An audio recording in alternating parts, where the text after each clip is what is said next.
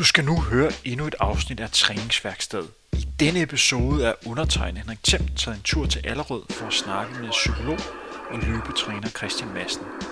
Christian skal hjælpe mig med at svare på, hvad coronakrisen har gjort for løbernes motivation, og hvordan man skal fastholde motivationen resten af løbeåret 2020, der meget nemt kan blive markant anderledes, end hvad man normalt vil opleve. Træningsværkstedet er bragt i samarbejde med Sarkoni, og der vil optræde sponsoreret element for selv undervejs. God fornøjelse med udsendelsen.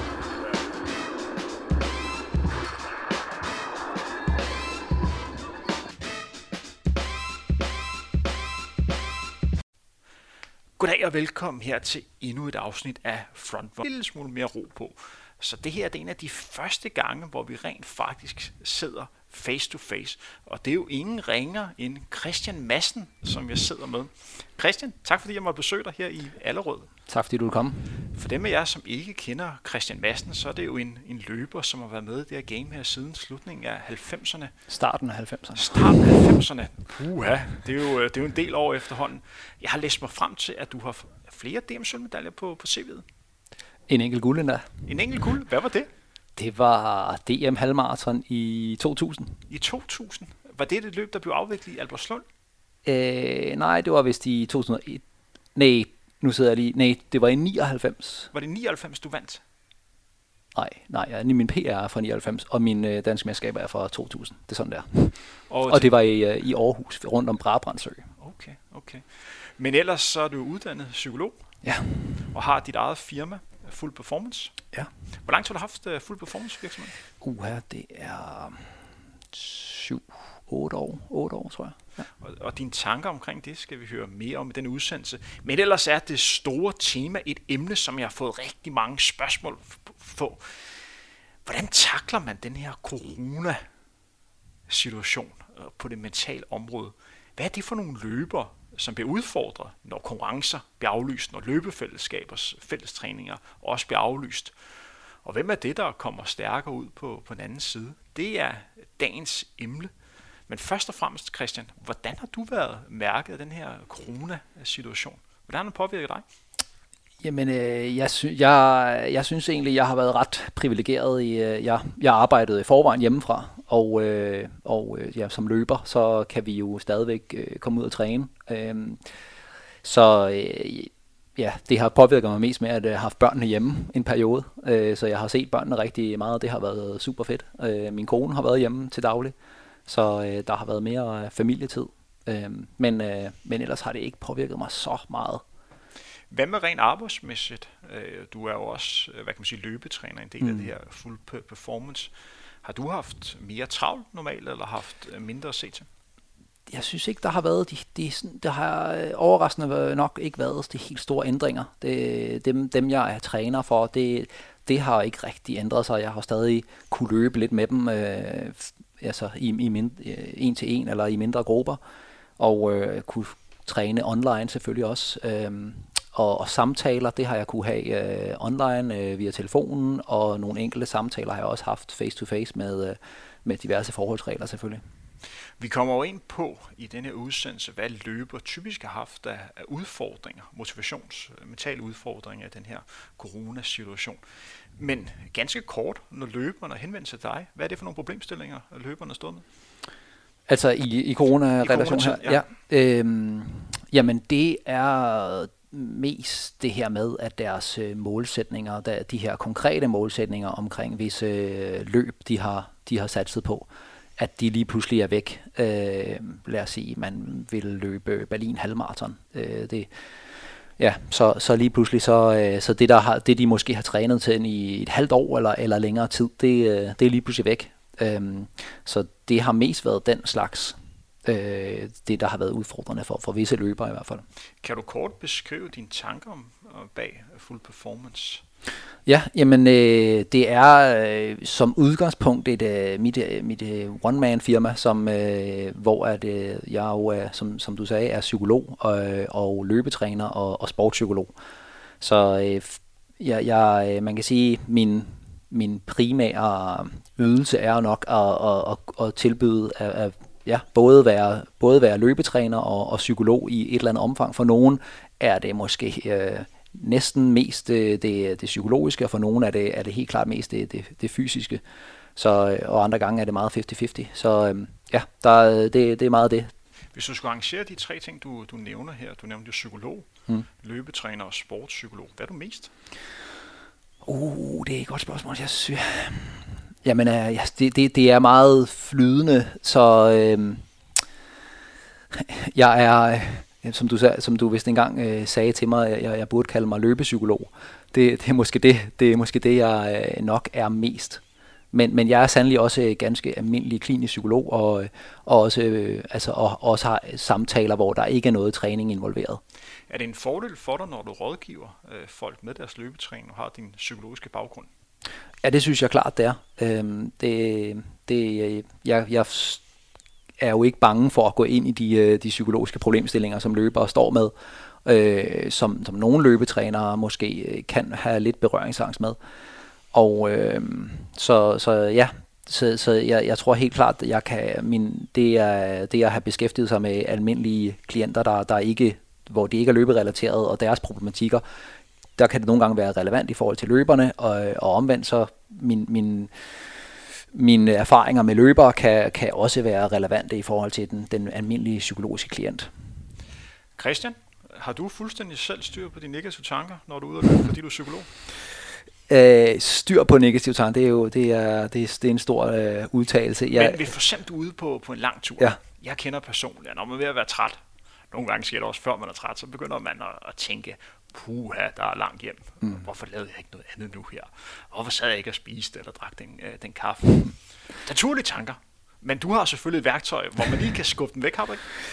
Jeg, jeg vil sige, øh, jeg, jeg, jeg, jeg får lige så mange negative tanker, tror jeg, når, når jeg løber, som alle mulige andre. Øh, det tror jeg, alle mennesker gør. Øh, men, men spørgsmålet er jo, hvordan man håndterer dem, og om, man, om de får lov ligesom at overtage og, øh, og påvirke vores løb negativt. Og det, det tror jeg, jeg er rimelig okay rustet til ikke at, at, at, at lade mig påvirke for meget, øh, som man nogle gange har set i løbeverdenen, at nogen de, de, de, op, de giver op undervejs i et løb for eksempel, øh, og, og så bliver det for nogen en vane, øh, hvis ikke det lige går 100% som, som de havde håbet. Øh, men øh, nej, jeg synes, det, det går fint nok. Lad os gå videre med dagens program. Det næste, vi skal have fokus på nu, er nogle korte ja-nej-spørgsmål. Mm. Forstår du præmisserne? Det tror jeg. Du skal bare sige ja eller nej. Ja.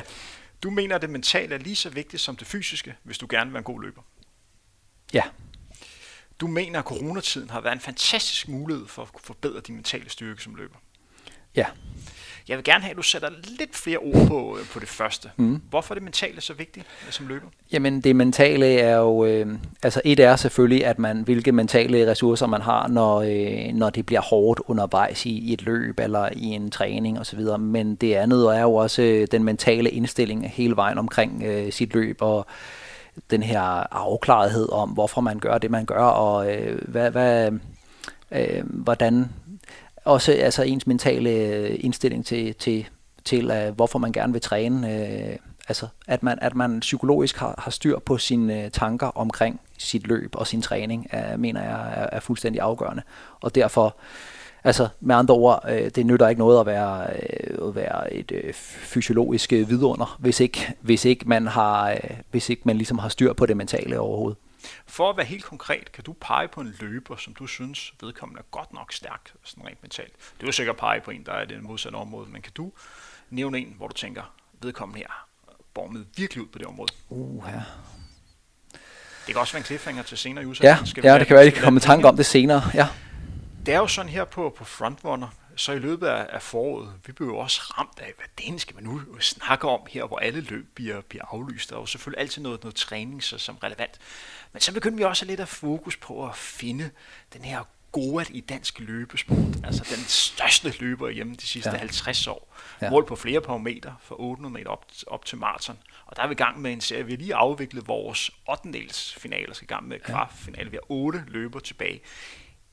Hvis du skulle pege på en løber, som har gjort mest for løbesporten de sidste 50 år, og det vil sikkert pege på mig. Det er helt okay. Jeg er ikke med i konkurrencen. Ah, okay. Men øh, hvem vil du pege på? Jamen altså, jeg vil sådan noget, øh, hvis vi bare kigger på, hvem der har været størst, øh, og i, især resultatmæssigt, så vil, så vil det vel øh, utvivlsomt være Wilson Kipketer. Wilson Kipketer. Men, øh, men en, øh, nu har jeg også hørt jeres uddannelser, øh, og, og, og I, I vægter jo også det personlige, hvad man, hvad man, øh, at man måske har en personlig relation, og og der er det klart, at øh, jeg har trænet meget med Carsten og været og øh, Carsten Jørgensen og har været klubkammerat med Carsten Jørgensen og øh, og det var øh, han er han er for mig måske den største på øh, hvis man kigger sådan hele vejen rundt. Hvad var det der gjorde Carsten unik? Han er jo indtil videre gået gået videre til kvartfinalen ja. og er jo en løber som måske kan gå gå hele vejen. Ja, jamen øh, Carsten øh, han var øh, et, et stort forbillede for, øh, for mig, og det ved jeg, han har været for rigtig, rigtig mange løbere. Øh, han havde ligesom hele pakken ved, i form af, at han var virkelig god til at, til at træne. Øh, han, var, øh, han var virkelig god til at presse sig selv. Øh, han, øh, øh og så samtidig var han bare en, en fantastisk, ja, en fantastisk menneske. Øh, man, man har lyst til at være man, man har det godt i hans selskab, man har lyst til at være sammen med ham, og han er en, en sjov fyr. Øhm, så, så på den måde tænker jeg, at han, han er en, en fantastisk rollebillede, øh, hvad hedder det, rollemodel øh, for, øh, for løbesporten. For en af de ting, at vi vægter høj, når vi skal finde den her mandlige løber, vi skal også lige nævne, at vi har også i overvejelsen lavet en tilsvarende for, for kvinder. Men vi starter med mænd. Hvis der er ikke mm. nogen, der gider at høre udsendelsen, så er det jo ligegyldigt, at vi også laver en for, for kvinder. Men er Karsten en, en løber, som også motiverer andre til at komme i gang med at løbe? Det er jo det er også vigtigt. Det, det er jeg overbevist om. Altså, nu, jeg var lige i gang med at løbe, da, da jeg mødte ham. Øhm, vi var naboer i, i, øh, i Birgård i gamle dage, for 20 år siden. Og øh, jeg, kan, jeg kan huske, at jeg kom hjem fra at have været på college i Colorado i et par år. Og, øh, og der synes jeg, jeg havde lært at træne hårdt. Øh, og vi trænede i 2300 meters højde og så videre. Det synes det var, der havde jeg virkelig lært... Øh, hvordan man skulle give den gas som løber.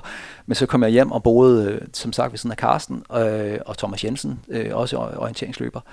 Og, øh, og der lærte jeg så at træne markant hårdere, vil jeg sige. Og, og jeg lærte også at, øh, at prioritere løbet rigtig højt. Måske ikke altid øh, øh, den helt øh, rigtige beslutning i forhold til studier og så videre. Men, øh, men, men men kort sagt, ja, så, så inspirerede han mig til at, til at træne øh, rigtig meget. Men altså, øh, rimelig fornuftigt, trods alt. Der går jo mange historier om, at øh, Carsten trænede rigtig mange kilometer, eller undskyld ikke kilometer, men trænede i timer. Mm. Du kender jo øh, Carsten bedre som, som løber. Kan du sætte nogle ord på, hvordan han træner? Ja, men det er rigtigt. Han, øh, han trænede mange, ja, de, som, som mange øh, orienteringsløbere gjorde, og, og, og jeg, jeg tror stadigvæk gør, så, så opgiver det det i timer, eller opgør det i deres øh, mængde i timer, og det gjorde han også, og øh, så det blev til mange timer, og også selvom han løb jo meget langsommere i gennemsnit øh, kilometertid, end, end, øh, end mange løbere gør, så øh, på hans niveau i hvert fald, så, så blev det alligevel til mange kilometer. Øh, så øh, jamen... Øh, så han, jeg vil sige, det der, det der blandt andet kendetegnet var, at han havde et kæmpe spænd i sin træning. Fra øh, hans langsomme tempo, det var, det var rigtig langsomt, og hans hurtige tempo, det var vanvittigt hurtigt. Han var jo på toppen i, i slutningen af 90'erne, hvor han lå og dystede mod en anden stærk løber, vi havde derhjemme, nemlig Dennis Jensen. Ja. De havde flere opgør, blandt andet ved et løb, som jeg ved, du også holder meget af, mm. imitageløbet. Absolut. Øh, det er jo de to, der har løbet allerhurtigst på 10.000 meter herhjemme. Carsten har løbet lige under 28 minutter, og Dennis har løbet lige under. Til gengæld har Dennis løbet hurtigere end Carsten på, på en femmer, og så har Carsten så også den danske rekord på halvmarathon. Ja. Når Dennis Jensen trænede allerhårdest, så lå han og træne omkring 8 timer om ugen. Når Carsten Jørgensen træner hårdest, så var det altså på en god side af 20 timer, måske også i nærheden af 25. Så altså markant forskel sådan rent tidsmæssigt. En anden ting, som jeg også synes er relevant, når vi snakker om de to løber, så er det forskellen på deres mental afslappet i forhold til sporten. Carsten slår mig som en person, som sagtens kunne finde på at møde op til en træning i den lokale klub, og så løbe med det langsomste hold, fordi han tilfældigvis har lyst til at, at løbe med dem. Jeg kender Dennis godt nok til at vide, at det tror jeg ikke, han ville gøre, mm. øh, da han var rigtig god. Er, er du enig i min betragtning? Ja, Ja, jeg tror, der var, jeg, jeg, jeg kender, jeg kender selvfølgelig Carsten ret godt, og jeg kender, jeg kender også øh, Dennis rimeligt, rimelig godt, og øh, ja, de var meget forskellige, øh, og, øh, men de, der var også stor forskel på at bo midt inde i byen og, og, og træne øh, efter øh, Dennis' øh, eller Henrik Larsens øh, træningsprincipper, øh, og så bo øh, øh, op nordpå i, i skovene, og så træne øh, efter nogle, nogle principper, hvor det galt om at få en stor mængde. Ja, apropos mængde, så tror jeg, at øh, så, så, så mener jeg, at Carsten faktisk har haft en træningsuge, hvor han løb sådan noget 31 timer på en uge, som, øh, som hans rekord, men det, det havde han vist heller ikke rigtig godt af i længden. Det er mange kilometer, hvis ja. du regner ud. Vi ja. Øh, må vel være på en god side af 300. Det tror, jeg, det tror jeg godt, man kan regne med. Der var endda flere øh, O-løbskonkurrencer i den uge, har jeg også hørt.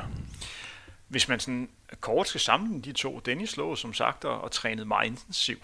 Han havde træningsuger, hvor han nogle gange lå og havde gennemsnitstempo på, på 3.10. Jeg tror også, han nærmede sig 3.0 på sådan 130-140. Mm. Det lyder fuldstændig vanvittigt, når man siger det. Hvem træner indtal hårdest af de to? Uh, det er meget, meget svært, og, øh, og det, det, kan, det kan jeg næsten ikke øh, svare på. Øhm, jeg, jeg, det kunne være, at for Karsten ville det være hårdere at træne, øh, ligesom Dennis gjorde, øh, og, og omvendt. Så, øh, så det, det tror jeg næsten ikke, man kan sige. Men der er ingen tvivl om, at de trænede begge to rigtig hårdt, når, når de trænede hårdest. Vi er jo også i gang her på Frontrunner med at have flere udsendelser, hvor vi lidt snakker om den her spiseproblematik, som er i, i dansk løb. Det har det været, desværre været i en, en, en del år. Fordi at jeg nu sidder og snakker med en person, som også er psykolog og har været i, i løbeverdenen det sidste, ja, siden starten af 90'erne, er det også relevant at lige at høre, hvordan han ser det. For lige at alle kan forstå rollerne. Jeg kommer til at spørge Christian, hvordan han ser hans rolle som, som træner, og hvad for et ansvar man kan lægge på, på trænernes skuldre, og om trænerne generelt er rustet godt nok til at kunne arbejde med den her problematik. Christian, når jeg siger spiseforstyrrelse til dig, hvad tænker du så? Jamen i øh, løberelation, så tænker jeg at det er, det er jo desværre noget, der er øh, ikke er så sjældent i vores sport. Øh, det er klart, at alt andet lige, så er det jo en fordel at være, at være rimelig let. Øh, så, øh, så der er jo nogle løbere, der kommer til at bruge det som en, en quick fix til resultater og øh, at, at være lettere og simpelthen øh, spise for lidt. Men det er en, en rigtig dårlig løsning, og det er en, der aldrig er, er bæredygtig simpelthen. Synes du, man som, som træner skal begynde at snakke om vægt med sin atlet? Eller det er et farligt område at gå ind på? Det er absolut et, et farligt område. Øhm, jeg, jeg mener, at det er, men jeg synes også, det er meget, meget vigtigt øh, som træner, at man ikke er berøringsangst med, øh, med, med ja, i det hele taget at tale øh, om, om det, der nu optager atleten. Øh, så jeg vil sige, at Altså, jeg tænker, i det ideelle træner-atlet eller træner-løber forhold, der kan man jo tale om, om hvad som helst, og, i, og hvis en, en træner øh, har med, med kvindelige atleter at gøre, så er det meget vigtigt at Altså jeg mener, man, man, man skal have så tæt en relation, man også skal tale om, om vedkommende nu øh, har sin menstruationscyklus for eksempel. Er det relevant at pege på, hvis der er nogle atleter, som desværre kommer ud i nogle spiseproblematikker, er det relevant så at pege på trænerne, at de ikke har været deres øh, ansvar bevidst? Peger pin den retning, eller er det mm. øh, mere komplekst end det? Jamen, det er helt klart mere, det er meget komplekst. Øh, jeg synes først, altså jeg tænker, at hvis man har lyst til at arbejde med øh, unge mennesker og, øh, og ja, oftest unge kvinder, så er det, så, så, så, skal man, så skal man selvfølgelig have sat sig ind i, hvad, hvad, hvad gør man, når, når der er nogen, der, der viser tegn på, på spiseforstyrrelse eller, eller træningsafhængighed. Øhm, så jeg synes, det, det er meget relevant, at man har læst op på det, eller øh, ja, på en eller anden måde tilegnet sig af viden. Øhm, men, øh, men, men det er selvfølgelig, ja, og, og, og så vil jeg sige, jamen, hvis man har det her tætte forhold til sine atleter, så kan man jo tale om det. Øhm, og så, så må man, hvis, det, hvis, det er, hvis atleten er meget, øh, hvad skal man sige, øh, ikke responderer på det, eller sådan, så, må, så må man jo gå videre med det på en eller anden ja, Det er i hvert fald det, det forkerte ikke at gå ind i det, og forkert at ignorere det. Så man har et ansvar, hvis man som, som træner starter et samarbejde op med en atlet.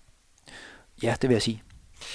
Lad os øh, gå videre. Det næste, vi skal have fokus på nu. Vi begynder gradvist at være færdige med, med opvarmning. Du vil jo som løber, der kan man godt lide at varme lidt op inden dagens hovedemne. Især når man er oppe i årene. Især når man er oppe i årene. Men vi mangler lige et par enkelte spørgsmål. Ja. De stigningsløbende, vi er i gang med, Christian. Er det naturligt at have dage, hvor man ikke har lyst til at træne? Hvad gør man, hvis man har sådan en dag? Uha, øh, det, det tænker jeg er yderst naturligt, øh, og øh, det er klart, at det er, øh, jamen først og fremmest så skal man, øh, så skal man finde ud af, hvorfor, hvorfor har man ikke lyst til at tage ud og træne? Er det, øh, er det bare på grund af et dårligt, dårligt vejr, eller er det, øh, eller har man, har man for eksempel været dårligt løbende i, øh, i dagevis, ugevis, så skal man se på, om det er fordi, man er i overtræning, eller, øh, eller der er et eller andet galt, eller for eksempel i underernæring, øh, for lige at, at vende tilbage til det, vi lige talte om før. Øhm, så, øh, men altså, jeg kender bestemt til at ikke at have lyst til at løbe, men, men øh, jeg tænker, for mig har det været vigtigt at have et eller andet bundniveau øh, i, i min træning, så jeg i hvert fald får trænet ja, x antal gange om ugen. Og, øh, og så tænker jeg også, at man, man kan finde nogle andre øh, veje til at øh, motivere en til at komme ud. Det kan jo være for eksempel øh, aftaler med, øh, med løbekammerater, eller ja, øh, komme i klubben osv., hvis, hvis, det, hvis den er åben. En af de ting, som jeg synes, der er mest problematisk, når man sidder og kigger mange af de her træningsmagasiner igennem, især magasiner, som henvender sig til såkaldt nye løber, ofte fremgår det sådan, at når man starter med at løbe, så får man simpelthen verdens største kick, og så har man bare mm. lyst til at komme ud og løbe hver eneste dag. Og så når løbere de står og skal i gang med at løbe, så bliver de overrasket over, at de måske ikke har det på samme måde. Er det ikke problematisk, at man ikke også forholder sig til, at det er naturligt at have dage, hvor man ikke har, øh, har lyst til at, at, at komme ud og løbe? Jeg tror jo, bestemt er det, ja, ja, der er ingen grund til at lægge skjul på, at, det, øh, at nogle gange, så, så skal man, øh, hvis man gerne vil øh, opnå et eller andet øh, resultat med sit løb, så, øh, så er det jo ikke lige sjovt hver gang. Øh, men jeg tror også, det er vigtigt at... Øh, altså, når man også kommer ud på de dage, hvor det ikke er så sjovt, så er det jo også med til at gøre de dage, øh, hvor det hele øh, bare kører, og man har øh, super gode ben, øh, til at gøre det til noget særligt. Vi går gradvis øh, videre øh, til snakken om motivation. Nej, vi mangler lige i, i en enkelt ting, vi spoler lige lidt tilbage. Hvor mange dage i træk synes du, som øh, hvad kan man sige, psykolog og løbetræner, man må have, før man skal overveje og måske at lave andre idrætsgrene, altså dage, hvor man ikke har lyst til at træne. Har du sådan øh, en general råd der? Må man gerne have en hel uge, eller må, må man gerne have en hel måned, eller hvor, hvor lang tid må man gerne have sådan nogle motivationsudfordringer? Jamen, øh, jeg tror, der er masser af løbere, øh, det, det er mit indtryk, der er masser af løbere, der, der egentlig, øh, egentlig kan have lange perioder, øh, hvor at de ikke rigtig synes, det er så fedt, og, øh, men gør det alligevel. Øh, jeg tror, der er, jeg ved, der er rigtig mange løbere, der, der løber, fordi de godt kan lide, hvordan de har det bagefter.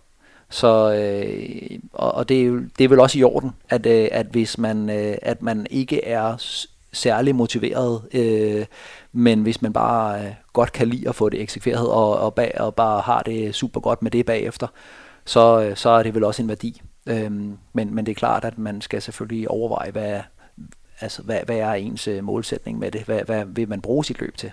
Nu spoler vi lidt tilbage. Vi spoler tilbage til midten af marts. Der var rigtig mange øh, løbere, fordi vi har haft en, en god vinter hjemme, som stor var rigtig, rigtig godt løbende. Der var klar til at skulle løbe de forskellige forårsløb. Lige pludselig kom en corona ind, jeg vil ikke sige for, for højre, fordi den, den kom snigende, man havde hørt lidt om det, men lige pludselig så fik det sin indtog ikke kun i Danmark, men i resten af Europa og, og hele verden, og lukkede samfundet ned. Da samfundet begyndte at lukke ned, medførte også, at de traditionelle løbeklubber måtte, måtte lukke. Man måtte ikke længere i samme omfang som tidligere træne sammen med andre. Flere løb måtte i første omgang udskydes, men også helt aflyst. Det vil sige, løberne skulle komme ind i en ny hverdag, hvor de først og fremmest skulle sørge for, at de ikke blev syge. De skulle komme ud og træne på en ny måde, måske mere alene, end de har gået tidligere. Nogle havde måske også mere tid til rådighed. Og så samtidig stod det med det store issue, hvad er det præcis, man skal træne op imod? Nu, Christian, skal vi lidt tage en snak om nogle af de udfordringer, som har været for, for løber under den her corona-krise, kan man jo godt kalde det. Vi står her og står på trappen til, til juni måned. Det går heldigvis bedre, men det er stadig uvis, hvornår vi har løb, som vi, vi kender det. Men vi tager udgangspunkt i, i den her periode, og hvad for nogle mentale øh, motivationsproblemer også, der har, der har været.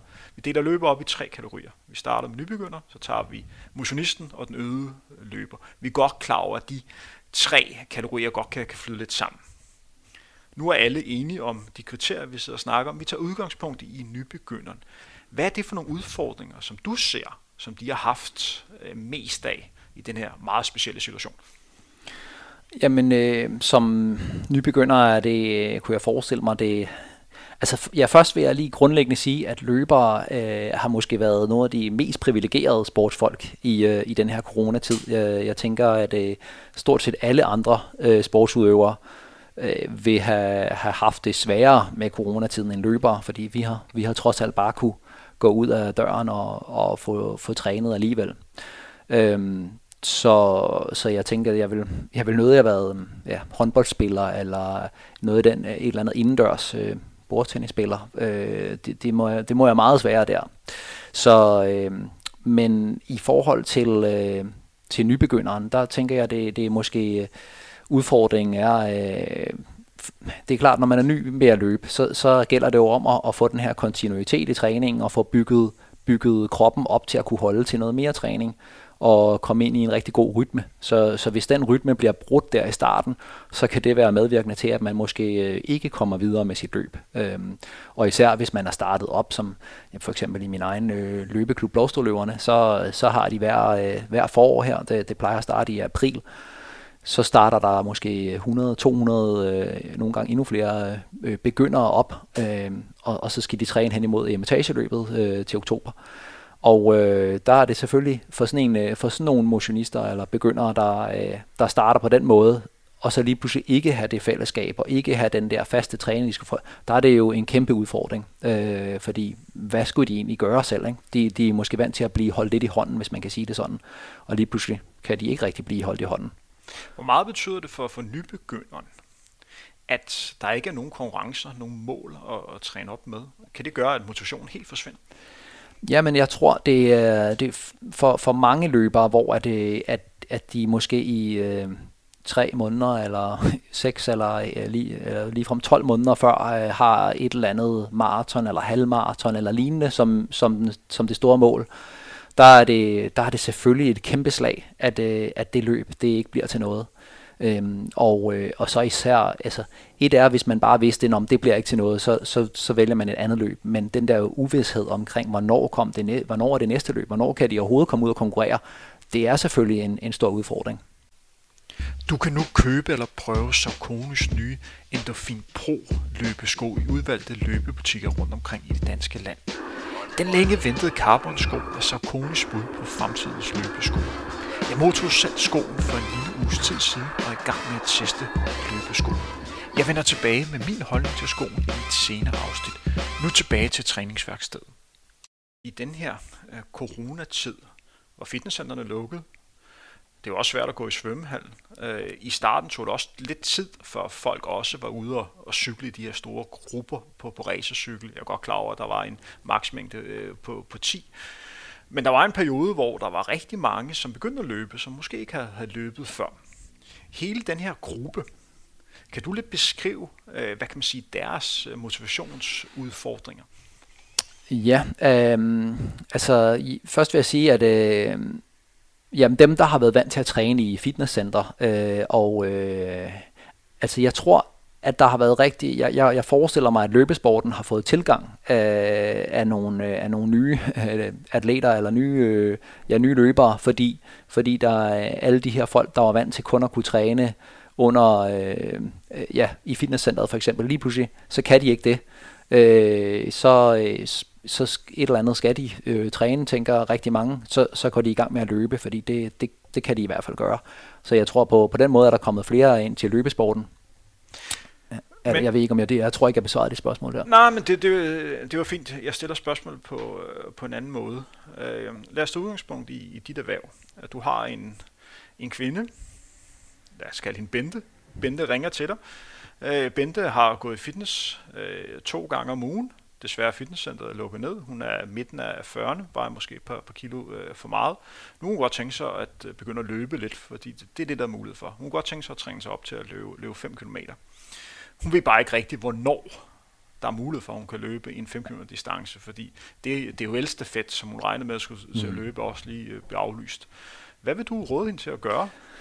Jamen, øh, ja, det er min oplevelse med mange af mine øh, klienter eller atleter, eller hvad vi kalder det, de, øh, de rent faktisk øh, har ikke nødvendigvis brug for et, et helt konkret øh, løb, øh, og det behøver ikke at være, ja, DHL, eller det behøver ikke at være øh, emetageløbet, eller, eller halvmarathon, maraton osv. Det, øhm, for nogen er det, er det det der med, at de har en drøm om at løbe under 25 minutter på 5 km, for eksempel. Øhm, og det behøver man jo bestemt ikke noget, øh, noget motionsløb for at gøre i det. Øhm. Så, så mange af mine atleter, de, de kan jo blive testet i, øh, på banen for eksempel, og, hvor jeg laver en test med dem at løbe en 3000 meter, eller, eller en, en 5000 meter, eller, eller, eller noget i den stil. Så, det, så det, det, man kan sagtens have det der mål alligevel, tænker jeg. Hvad med selv sammen Bente kommer i gang med at, at løbe? Øh, hun vil egentlig gerne løbe sammen med andre, men det er svært for hende øh, nu her. Hun kommer ud og løbe, mm. men rent faktisk, så synes hun faktisk, det er lidt kedeligt. Fordi hun ikke kan løbe sammen med andre. Hvad skal hun gøre? Jamen, øh, det, ja, jeg, jeg tænker jo, at forhåbentlig kan Bente finde en, øh, en, øh, en løbemarker eller, eller nogle flere løbemarker i, i sit netværk, og, og så løbe med dem. Og, øh, og ellers så, så kan Bente forhåbentlig se, se lidt frem og tænke, jamen okay, det er en periode på, på, øh, på nogle få uger eller måneder, hvor jeg skal være løbe mere alene, og så, og så kommer der selskab senere. Øhm, men ellers så vil jeg, så vil jeg øh, prøve at, at, at, at øh, hjælpe hende med at dosere træningen fornuftigt, så hun stille og roligt blev bygget op. Og, øh, og når nu hun havde mistet, øh, mistet træning i fitnesscenteret, så su- endelig supplerer med noget, med noget styrketræning derhjemme også selvfølgelig. Den her gruppe af, af nybegynder, hvis vi sådan kigger også på tiden efter øh, corona, det er jo svært for os at vide, hvordan fremtiden kommer til at se ud, men med, ud fra dine betragtninger, tror du, at der vil komme af løbesporten og opsamlet endnu flere løbere, fordi andre ting har været lukket ned? Ja, øh, ja overall vil jeg, vil, jeg, vil jeg tro, at, at løbesporten har samlet nogen op fra, øh, fra andre sportsgrene, som de ikke kan dyrke. Øh, så øh, det tror jeg, men, men der er også faldet, der, der er sikkert også faldet nogen fra, som var vant til at bruge løbeklubben, som de ikke kunne bruge, øh, som de så ikke kunne bruge i coronatiden. Så der er nogen, der er faldet fra, men jeg tror, der er endnu flere, der er kommet til. Det, det er mit gæt i hvert fald. Hvad med i starten af den her øh, corona-tid, da den begyndte at, at blomstre? Man har jo måttet løbe hele vejen igennem. Men i starten var der også meget snak om, at øh, ja, pas nu på at løbe for tæt på andre, mm. og når man udordner, så udsætter man også folk for en form for, for risiko. Det kan også være øh, nogle løber, der også lidt bliver betænkelige for at, at være ude og løbe, fordi man lidt bliver set som, som fjenden. Kan det også have gjort, at der måske er nogen, som helt har mistet motivationen af den grund? Jeg, jeg har selv øh, stødt på flere gange ude i, i skoven, hvor der ellers er rigtig god plads, øh, at, øh, at der er nogen, der, øh, der har sagt, husk nu at holde afstand, eller sådan noget, selvom man har været, vil jeg sige, cirka to meter fra dem. Øhm, øh, ja, altså nogen, der måske har været lidt øh, ja, bange for, at man kommer for tæt på. Øhm, men øh, og, ja, men jeg, jeg tror, at de løber, der er ude og, og ligesom har øh, ja, gerne vil løbe, på trods af den risiko, der er nogen, der tænker, der, der kunne være, de, øh, de bliver altså nok ikke påvirke af, af, at der er lige en, der råber der mere end, øh, mere end et, et par minutter måske. Jeg vil i hvert fald sige, at det var en ting, jeg lagde mærke til inde i København, da den her corona-situation virkelig begyndte at, at blomstre op. Jeg lå meget at, at prøve at finde stier, hvor der ikke var så mange andre derude og løbe, men jeg lagde mærke til, at når jeg kom løbende forbi en, en ting, jeg prøvede at undvige folk, men de prøvede bestemt også at, undvige mig. Øh, og nogle gange var der også nogle, nu er det svært at se, når vi laver podcast, men også flere gange jeg tog armene ud, nærmest for at sige, hold dig væk herfra. Og det var en ny måde at opleve som løber, man rent faktisk blev lidt set som en eller anden form for, for fjende. Og det var der mit spørgsmål derhen, at det må også påvirke nogle løbere, som på en eller anden måde er i gang med at finde den her kærlighed til, til løbesporten. Men lad os alligevel gå, gå lidt videre. Den næste gruppe, vi skal tage udgangspunkt i, det er jo en gruppe, som består af rigtig, rigtig mange mennesker. Øh, det er jo motionistgruppen, og faktisk er jo langt de fleste, der løber hjem, er jo øh, motionister. Kendetegne for, for motionister, det er jo, at der er en stor procentdel af dem, der rent faktisk går rigtig meget op i løb. Og en anden ting, der også kendetegner, det er, at de vil rigtig gerne have noget, hvad kan man kalde det, output ud af al den tid, de har lagt i træningen. Bestemt. Så hvordan har de stået med og stået og været klar der i slutningen af marts til at komme ud og skulle løbe halvmarathon og, og, og løbe maraton, og så lige pludselig forsvinder det. Og stadigvæk har den her øh, tanke om, gud mand, jeg kommer jo aldrig til at, at løbe det her løb. Nu er al den her træning spild, som jeg har lavet. Har træningen været spild? Det har den jo selvfølgelig ikke. Øh, jeg tror, at øh, jamen, det er selvfølgelig vidt forskelligt, hvordan nogen, øh, nogen bliver øh, meget demotiveret af ikke at have, øh, ikke at have de her, de her øh, motionsløb eller maratonløb osv. Som, som mål øh, og, og have dem på ubestemt tid i hvert fald. Øh, så, øh, men jeg tror, at, at øh, for, ja, det, det, jeg, jeg tror helt bestemt, at det svære ved den her coronatid har været det der uvidsheden om, hvornår bliver det normalt igen. Men, men, øh, men omvendt så har, det nok he, har de fleste mennesker nok tænkt, ja, men øh, nu kommer der snart næste, den, om en måned eller et eller andet, kommer den næste udmelding fra regeringen med, hvornår hvornår bliver der måske åbnet op igen og så videre, så har man kunne se frem til det. Så det har heller ikke været måske i, i perioden har det nok ikke været, hvor folk, jeg tror ikke, der er så mange, der har tænkt, jamen der går flere år, før vi kommer ud og løber motionsløb igen. Øhm, men øh, jeg vil jo sige, at øh, uanset om man er nybegynder, eller motionist, eller, eller øh, elitær løber, så, øh, så er der også en gave i det her med ikke at have øh, løbende lige, øh, lige hele tiden lige for døren. Øh, altså der er jo det her med, at man kan bygge sig op over gennem, gennem længere tid, og, og måske blive stærkere og og øh, ja, få bygget både sin motor og, sin, og, sin, øh, og, og hele bevægeapparatet op til at kunne holde til noget mere. Så, så, så for nogen kunne det rent faktisk ende med at, øh, at, at skabe meget bedre resultater på sigt. Men det kan vel være svært for motionisten at, at forstå, at vedkommende ikke får udbyttet al den træning allerede nu her i foråret, og måske svært ved at, sådan at se et år frem? Det er klart, at øh, ja, det, er der, der, det er der, jeg så tænker, der må være, der er stor forskel på motionister, og nogen tager det som, øh, som en gave, at de, øh, at de netop kan, i hvert fald ser, ser det positive i det, øh, at, at der, der er øh, mulighed for at blive endnu bedre til, til de endelig skal ud og, og måle sig igen. Øhm, men, men der er selvfølgelig også nogen, der bliver, der bliver demotiveret af det i en eller anden grad. Forhåbentlig så holder de et, et vist bundniveau og, og, og får løbet, sådan så at de ikke skal ud og præstere igen. Øhm, og jeg, øh, som jeg var inde på lidt tidligere, så har jeg brugt det her med at lave, øh, lave testløb. Og igen, hvis man ikke er øh, top-elite udøver, så er det at lave en 3000 meter test eller 5000 meter test eller lignende på en bane er lige så øh, legitimt og målbart, og øh, som så uanset om det er et et godkendt løb osv., man ved jo, at distancen er, er korrekt, og øh, så, så der er ikke... Øh, så, så det har jeg oplevet, at, at for, for nogle af dem, jeg træner, de har det fint nok bare, men, men jeg tror, det har også været vigtigt at have de der tests, øh, sådan så de kan se, at de er på, øh, at de stadig forbedrer sig osv. Jeg er jo også selv øh, løbetræner, og en af de ting, som, som jeg har blevet mærke i, det er, at, at man som træner har benuttet til at være endnu tættere på, på atleterne. Har du også haft den samme opfattelse? Ja, Ja, øh, jamen det der med, at, øh, ja, at de ikke har kunne øh, blive målt på, øh, på den måde, de plejer med, med visse konkurrencer, og, og måske, øh, måske har øh, ikke haft lige så meget social kontakt i omkring deres øh, sport, har, øh, har måske gjort det naturligt, at der har været ja, mere kontakt til løbetræneren, så det, det kan jeg godt genkende. Hvis vi har lidt har fokus på, på de her øh, testløb, det var jo sådan, at i slutningen af, eller slutningen af marts, øh, en uge, 14 dage efter, at øh, coronaen havde lukket størstedelen af, landet ned, så begyndte de de første sådan, virtuelle øh, løb, hvor man løber sammen, men alligevel øh, hver for sig begyndte at blomstre op. I starten var der et, og så efterhånden kom der, kom der en del løb. Det er jo positivt. Det er jo godt for, for løbesporten, der, der kommer de her øh, tiltag. Før vi går ned og tager en snak om fordele og ulemper ved den form for løb, så skal jeg lige høre en gang, findes der løbere, som rent faktisk performer bedre, når man løber helt alene, fordi de slet ikke skal forholde sig til alle mulige andre øh, forstyrrende elementer. Kender du løbere, som i princippet øh, præsterer bedre, når de står der øh, ude nu er vi der i Allerød, står derude på en landevej i Allerød, står og tænder gps ud, løber 10 km ud, at de rent faktisk løber betydeligt stærkere her, end de vil gøre i en konkurrence sammen med 300 andre.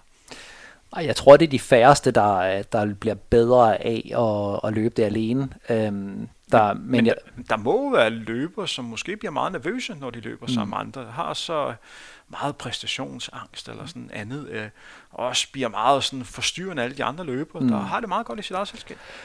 Ja, men øh, der er sikkert nogen, der løber øh, tilsvarende, eller måske lidt bedre, men, jeg, øh, men igen, dem der, dem, der øh, døjer meget med præstationsangst, vil øh, sandelig også kunne få det, øh, hvis de skal lave sådan en test af sig selv. Øh, øh, så jeg tror, at der hvor øh, nogen kunne have en ulempe ved, øh, ved at skulle løbe sammen med masser af andre løbere, kan være, at de bliver revet med og lægger for hårdt ud. Så, øh, så jeg tror, det der med, at, øh, at, man, at man måske bedre selv kan styre sit, øh, sit udgangstempo, som jo er ret afgørende for ens, øh, for ens øh, præstation, det, øh, det, det, det har måske været en fordel ved, ved, ved at løbe alene for nogen. Hvis vi sådan kort har fokus på de her virtuelle øh, løb, du har jo lidt nævnt det i, øh, ved fordelen i forhold til chessløb, men kan du lige præcisere, hvad vil fordelen være for at være med i sådan nogle virtuelle løb? Jamen, jeg tror, jeg tror at øh, for, for øh, det er min, mit indtryk, øh, og det er nok mest ud fra sociale medier, der har det indtryk, at der er masser, af, masser af løber, der er meget øh, motiveret af det virtuelle løb. Øh, og øh, ja, og det, det er med til at holde dem til ilden. Øh, så på den måde, så, øh, så, så har de absolut deres berettigelse. Så det handler om at gøre dem sultne? Ja, ja. Øh, altså, jeg får give dem øh, den der mulighed for at, for at få... Øh, få testet sig selv af på den måde, og, og, og for nogen er den der ydre motivation i at kunne øh, få den medalje, eller kunne vise sit, øh, sit øh, online øh, virtuelle diplom, eller hvad det hedder, øh, på sociale medier, jo også en, en faktor. Og det er jo sådan, at når man løber et, et 10 km løb, som ofte er opmålt via sit eget øh, GPS-ur, det er jo sådan, det foregår, når man løber de her øh, virtuelle løb, så er der jo en eller anden form for, for usikkerhed. Man har jo sådan set ikke gjort noget forkert, man deltager jo i løbet på samme vilkår som alle andre. Men alligevel sidder de fleste løbere tilbage med en eller anden sådan lidt dårlig smag i munden, fordi man er alligevel lidt usikker på, om, om distancen alligevel passer. Kan du forstå, hvorfor folk er usikre? Man burde jo egentlig være ligeglad. Man har jo ikke gjort noget galt. Ja, øh, jeg, jeg forstår udmærket, hvad du mener, tror jeg, men, men, øh, men jeg tror for dem, for den almindelige løber, der, øh, der er motiveret øh, af de virtuelle løber, ja, øh, de, jeg tror, de, øh, de går ikke måske så meget op i, øh, ja, om, om andre nu. Ja, måske når man er ligesom opdraget i et, et, et elitært løbemiljø, så, øh, så det her med, om den nu var øh, 10,0, eller, eller om den var øh, lige der omkring, øh, det, det er jo utrolig afgørende i atletikkens verden, men, øh, men det er jo ikke helt så afgørende måske for, for den øh, almindelige løbemotionist. Og øh, så, så jeg tror, det vigtigste er det her med, at de, det, det, har jeg, det, har jeg, det er mit indtryk, at efterhånden så er der virkelig mange øh, voksne løbere, der også går op i den her medalje, de kan vinde. Og, øh, og det, det synes jeg også er fuldstændig fair nok. Hvis vi igen tager udgangspunkt i den her store gruppe af motionister, det ligger jo stadig og svæver lidt i det uvisse, hvor mange løb, altså store løb, som vi får i 2020. Vi kan forvente, at der begynder at åbne op for, for nogle baneløb, men det er alligevel de færreste motionister, der har lyst til at gå ind på, på banen og konkurrere. Det er spørgsmålet også, hvor mange der kan, kan være med. Mm. Vi snakker løb som Copenhagen Half, imitageløbet hos Andersen Marathon, og sågar også, øh, hvad kan man sige, løbet i udlandet, som også kunne være relevant for, for den her gruppe. Hvad er fordelene med, at man får, får ren besked i forhold til, om løbet bliver afviklet eller aflyst? Eller vil det måske være bedre, at man bliver lidt holdt hen i det her uvisse? Øhm, Forstår jeg synes, spørgsmål? Jeg, ja, jeg, det tror jeg, jeg gør. Jeg, jeg tænker, at den der uvidshed er, er, ikke særlig, er ikke særlig befordrende for motivationen. Så, jeg, så altså, hvis man kunne få en klar udmelding øh, tidligere. Også selvom så, beskeden vil være alt for eksempel aflyst? Ja, øh, det er klart, at det måske i starten, kan, så jeg kan godt se din pointe måske, at, at det, det er håbet om, at et eller andet løb øh, stadig bliver til noget, kan motivere nogen til at træne øh, mere, end de ville gøre, hvis, de, hvis, de, øh, hvis der slet ikke er noget løb fremme i horisonten. Øhm, og det er klart, at øh, der er forskel på, at man nu har en, en træner at spare med, eller, eller man ligesom er på egen hånd. Så, øh, så ja, jeg kan godt se, at det måske kunne det holde ind til ilden længere, at, at der er potentielt er et løb. Øhm, men, øh, men omvendt så vil jeg tro, at de fleste jo øh, trods alt har en, en forestilling om, at, at øh, på sigt så kommer der nogle, øh, nogle af de her store øh, større og mindre motionsløb igen. Så, øh, så det giver jo mening at holde sig kørende og, og måske øh, udvikle sig yderligere til at være klar til de motionsløb. Hvis vi nu kigger lidt frem og forholder sig til den øh, løbeverden, vi kommer til at opleve efter øh, corona, fordi der har været så snak om altså meget snak om, at man skal holde afstand, og man skal passe på hinanden. Tror du, at man som løber vil løbe anderledes, når vi igen står i sådan en stor startbås, når vi står virkelig tæt? Det gør man jo i et løb i, i startgruppen. Tror du, man vil, vil tænke over det? Eller tror du bare, at alt vil være som før?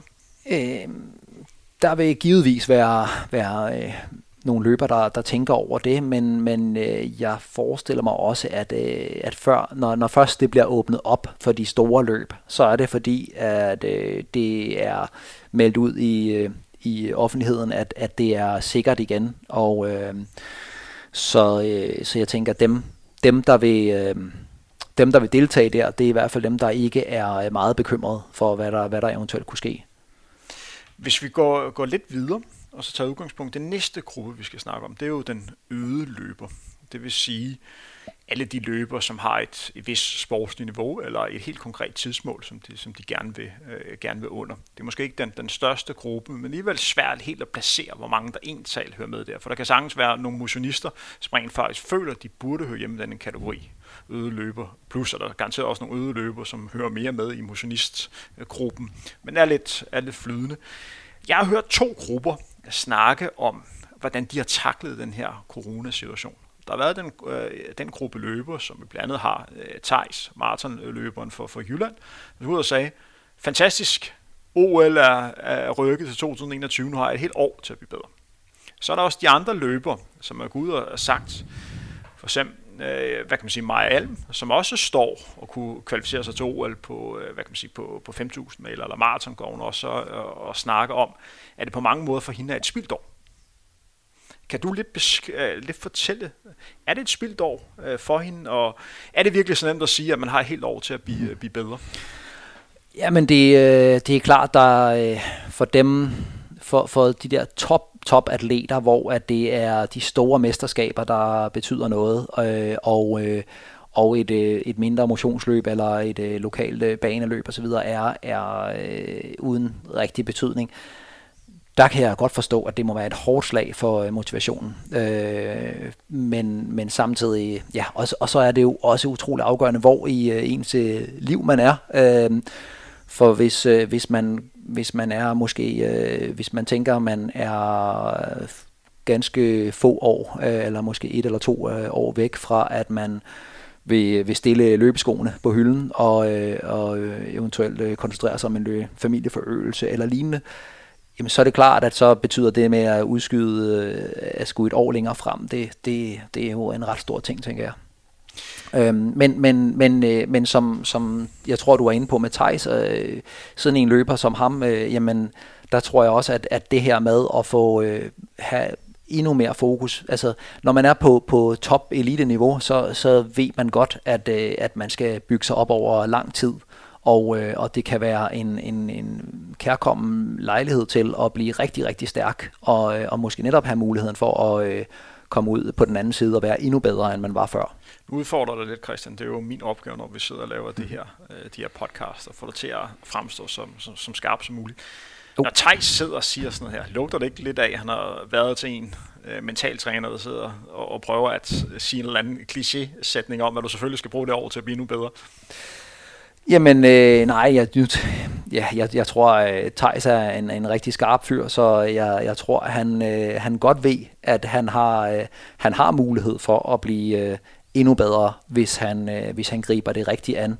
Og øh, jeg tror, at det der... Øh, altså det, der jo netop kan være udfordringen for, for løbere på, på alle niveauer, det er jo, at, øh, at hvis man skal konkurrere for meget, øh, og, og, og og trappe ned og trappe op og, og så videre, det, det kan jo nogle gange være en større belastning, end at få den der mere kontinuerlige øh, opbyggende træning. Så øhm, øhm, ja. Så Christian, hvis vi lige går, går lidt ned, her har vi jo snakket om to af, af de bedste løber, vi har hjemme. Det er to løber, som begge to har rigtig gode chancer til at stå ved OL i Tokyo næste år. Og hvis man er det, så er man blandt de absolut bedste. Hvis vi går lidt tilbage og kigger på den gruppe, som lad os sige på, på en 10 km ligger for 36 minutter for herrene op til, til 31. For kvinder tilsvarende, så er det måske for 41-30 ned til omkring øh, 36. En gruppe, der efterhånden bliver større og større hjemme, det er jo dejligt positivt, men den gruppe løber, som har ligget og trænet meget mod, at hele året, så skulle de ud og opnå en masse personlige rekorder og på en eller anden måde sådan er lidt frustreret over, at de ikke skal få de rekorder med hjem, og, og er lidt ærgerlig over, at de ikke får hvad kan man sige, output for alle de uh, træningstimer, de har lagt, og de har den her gode form, og de vil gerne vise det. Og, hvordan holder de den her sult ved lige? Øhm, jamen det er... Der er vel ikke den, bare nok at få løbet en masse, masse testløb? Altså. Jamen den gruppe, du nævner der, øh, hvad, hvad skal vi kalde det, subeliten øh, for eksempel, øh, jamen det, øh, det, det er nogen, altså, nu er jeg jo farvet af, at jeg møder jo så også ofte nogle af dem, der, der har brug for hjælp til at øh, have styr på både det mentale og fysiske der, men øh, der er rigtig mange af dem, der kunne profitere af at, øh, at have en periode, hvor de ikke skal, øh, skal, hvor der ikke er nogen muligheder, fordi at der er rigtig mange, der har den her tendens til at øh, at det er svært at vælge noget fra. De vil, de vil, løbe, de vil løbe det hele. Øh, de, vil, øh, de vil både de vil både løbe på banen, og de vil også løbe halvmarathon eller Øhm, og de vil måske også løbe flere af dem osv. Og, og, og det der med, at, øh, at der lige pludselig ikke er mulighed for det, det, det, det giver jo virkelig muligheden for, at man kan bygge sig op gennem længere tid. Så simpelthen sørge for ens, øh, lad os kalde det karriere, at den bliver, bliver længere det, det, kan, det er jo ikke øh, nødvendigvis, øh, at karrieren bliver længere af det, men, men, øh, men det, det, det kunne den blive. Øh, ved, måske ved, at man netop øh, har, har mulighed for ikke at løbe, eller sandsynligheden for skader er måske lidt mindre, fordi man ikke skal ud og måle sig på samme måde. For den beskedne sum 50 kroner kan du få adgang til Zetlands nyhedsarkiv de kommende to måneder. Samtidig støtter du Frontrunner med et langt større økonomisk beløb. Lige nu kan du blande på Zetland læse en spændende artikel, og man skal kigge med på en barn på YouTube. Nu tilbage til træningsværkstedet. Fordi det, det næste, vi lige skal snakke om, jeg skal lige nævne, at det, jeg kommer til at, at stille dig spørgsmål nu, er faktisk ikke noget, som du er forberedt på. Øh, så, så, så lige som lytterne er med på det, at hvis Christian er lidt vævende i det, så er det ikke Christians skyld, så er det simpelthen undertegnet Henrik Thiem. Men jeg bliver simpelthen nødt til lige at høre om noget, som jeg selv oplevede i min lille karriere. Jeg faktisk blev, øh, hvad kan man sige, blev klogere af, da jeg sådan selv stoppede og selv synes, at det var noget, som der var øh, for lidt fokus på. Og fordi du er øh, psykolog og løbetræner, synes jeg, det er relevant, at du lige får mulighed for at kunne sætte ord på det. Der bliver snakket meget om, når vi snakker sådan, i, i løbesporten, at du har de her såkaldte træningsår. På et eller andet tidspunkt kan du ikke holde til at, at træne hårdt mere. Men jeg har også oplevet, at på et eller andet tidspunkt, så kan du ikke motivere dig selv mere til at lave de her hårde intervalpas. På et eller andet tidspunkt, så er man bare ikke sulten nok til at ud og løbe, lad os sige 6 gange 1000 eller 8 gange 1000 eller ligge og løbe bakkeintervaller, hvor man lidt tænker, Ej, jeg har jo været der. Jeg, jeg gider ikke rigtigt. Og det er jo sådan lidt, lidt skræmmende og sådan at opleve den.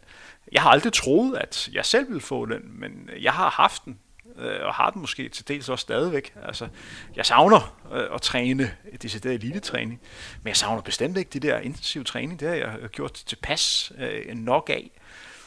Hvorfor får man den her slags mæthed, og, og er det noget, som man generelt taler alt for lidt om? Øhm, jamen, jeg tror, at hvis man, øh, hvis man har, hvis man som mange løbere gør, tror jeg, øh, bliver ved med at træne ligesom den samme, på den samme måde år efter år efter år, og man så oplever at stagnere på et tidspunkt, så er det, øh, så er det jo klart, at øh, når, når man er øh, som udgangspunkt løber med, med, øh, med resultaterne for øje, og man, og man stagnerer i, i, øh, med resultaterne, så er det klart, at øh, så vil man jo øh, nok opleve en, en vis, øh, ja, hvad man skal sige, øh, at man, at man øh, overvejer, hvad, hvorfor, hvorfor laver jeg det her, hvis jeg ikke engang bliver bedre af det. Øhm, men der tænker jeg jo netop, at de her coronatider kan, øh, kan noget i form af, at man man, får, øh, man måske ligesom kan ja, gribe sin øh, sæson anderledes an. Øh, måske have en mere øh, Øh, ja, øh, som, som jeg tror, nogen taler om, altså det, at det kommer til at svare til, at man har måske en meget lang øh, vintersæson, øh, øh, uden at det nødvendigvis er vinter, øh, men man bare træner på samme måde. Og, øh, og måske tror jeg, at det kan være forlænge ens løbekarriere øh, i form af udbrændthed øh, og, og, og, og bare at kroppen ikke ved mere, ved at man får bygget sig mere op, og måske netop øh, ved, at der ikke er de her øh, store konkrete mål i form af et vis motionsløb, eller, eller øh, DM, eller hvad det nu kunne være, øh, så kan det også være, at man netop øh, i en periode ikke løber så hårde intervaller, men, øh, men, men øh, egentlig laver noget træning, der er lidt mere skånsom for kroppen, men alligevel mere opbyggende. Vi er ved at være til vejs ende i dagens udsendelse. Jeg skal lige høre en gang, Christian, når man går ind og kigger på øh, dine sociale medier, du har jo en helt fantastisk Instagram-side. Øh, Dem af jer, der ikke har set den endnu, gå ind på Christian Full Performance. Yes. Øh, Instagram, der er de, de fedeste billeder. Men når under din beskrivelse, det, det første, der står, det er, det er bjergløber. Og så står der sådan en psykolog nedunder. Er det det, som du øh, kalder dig selv, at det er bjergløber? Er det det første, der skal nævnes? Ikke familiefar eller noget som helst, det er bjergløber. Jamen, øh, jeg, jeg elsker at løbe i bjergene. Jeg, øh, hvis, øh, hvis, øh, hvis jeg selv lige kunne vælge, så vil jeg, så vil jeg da hellere bo i bjergene. Øh, men, men det er lidt svært at lige føre øh, firma og, og familie og danske forhold øh, i det hele taget ned til, ned til, hvor der nu måtte være bjerge. Øh, Ja, så bjergene fylder rigtig meget. Jeg kan godt forstå, at du, du, tænker, du tænker det. Øh, nu, nu, øh, den profil er jo også t- øh, langt hen ad vejen også lidt øh, firmaagtigt relateret. Så, øh, så måske er det mere derfor, der står så bjergløber en, en far som det første. Det tænkte jeg også, men du skulle lige have lov til selv at, selv at sige det. Men som sagt, hvis jeg har brug for nogle, nogle gode løbebilleder, flotte løbebilleder, så gå derind. Christian, tusind tak, fordi du har lyst til at være med. Er der nogle ting, vi mangler at komme ind på? Jeg tror, det, jeg tror vi har været øh, godt rundt. Så vil jeg gerne sige øh, tak til dem af jer, som har hørt med hele vejen igennem. Håber, I kunne lide øh, den udsendelse. Vi høres ved igen inden længe.